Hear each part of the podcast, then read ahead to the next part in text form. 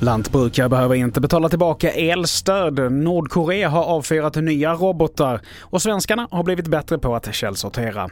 Det här är TV4-nyheterna som vi börjar med att en man är gripen misstänkt för mord och gravfridsbrott i fallet Taberg i Jönköping, där en kvinna hittades död igår.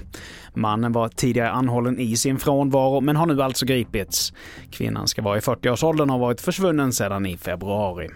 Vidare till att de företagare, däribland lantbrukare, som fått elstöd oavsett om det är ett hushåll eller ej ska inte behöva betala tillbaka pengarna. Det meddelar Försäkringskassan nu på förmiddagen.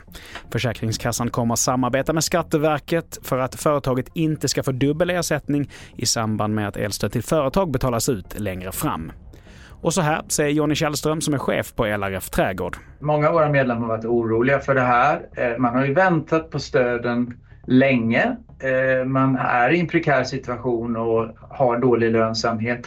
Så det här var väldigt välkommet det här beskedet och vi tycker att eh, det var väldigt snabbfotat av både regeringen och Försäkringskassan att eh, räta ut de här osäkerhetsfaktorerna. Vidare till Asien där idag så firade Nordkorea flertalet kryssningsrobotar ut över Japanska havet. Det rapporterar sydkoreansk militär.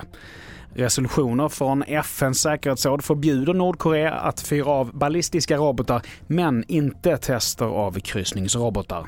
Och till sist, svenskarna har blivit bättre på att källsortera framförallt plastförpackningar som gått från drygt 5 kilo till 9 kilo per person och år.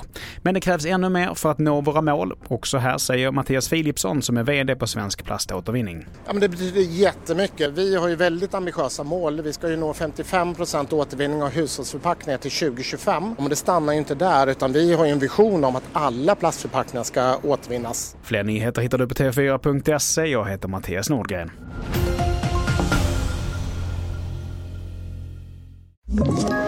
Ett poddtips från Podplay. I podden Något Kaiko garanterar östgötarna Brutti och jag, Davva, dig en stor dos skratt. Där följer jag pladask för köttätandet igen. Man är lite som en jävla vampyr. Man har fått lite blodsmak och då måste man ha mer. Udda spaningar, fängslande anekdoter och en och annan arg rant. Jag måste ha mitt kaffe på morgonen för annars är jag ingen trevlig människa. Då är du ingen trevlig människa, punkt. Något Kaiko, hör du på Podplay. Därför är gardinerna.